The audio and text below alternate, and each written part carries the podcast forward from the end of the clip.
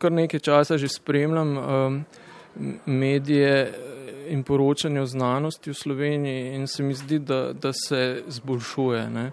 Predvsem mlajši novinarji ne, drugače pristopajo, se mi zdi, da so bliže temu, kar so že um, v, vem, na Zahodu, um, ko so pač imeli neko daljšo zgodovino takšnega pristopa, se naučili ne, in znajo te um, to znanja nekako izkoristiti. Tako da se mi zdi, da tukaj je napredek, recimo pač frekvenci X, ne, se mi zdi, da, da ste zelo. Uh, zelo velik preskok naredili. Um, potem tudi na televizijske oddaje v znanosti so zdaj bistveno boljše, kot so bile že, še pred nekaj leti. Se mi zdi, da radio in televizija sta malo naprej.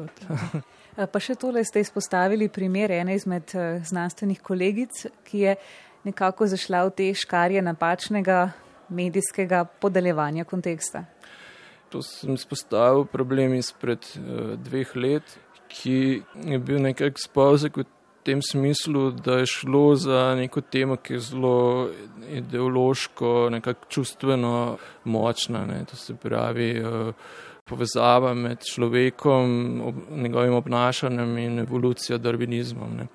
Tukaj imamo kar nekaj raziskav, ki pa so seveda za marsikoga že od Darvina naprej, ne, ampak zdaj je kontekst malo drugačen. Um, lahko žaljive, lahko problematične. Ne. In ona se je pripravila predavanje na to temo v nekem sklopu predavanja o evoluciji, kjer je pač novinarka poslušala in napisala o tem poročilo, ki je bilo pa nekako zelo senzacionalistično narejeno, tako da um, je potem tisto, kar je ona povedala, sprožilo hudo zgražanje v javnosti ne, in kar je letelo na to bogo kolegico, ne, ki sicer pripravlja čez solidno predavanje, ampak če strgaš ven določene stvari iz tega predavanja in jih kot sama dejstvo plasiraš, mogoče res zgleda grozno. Ne.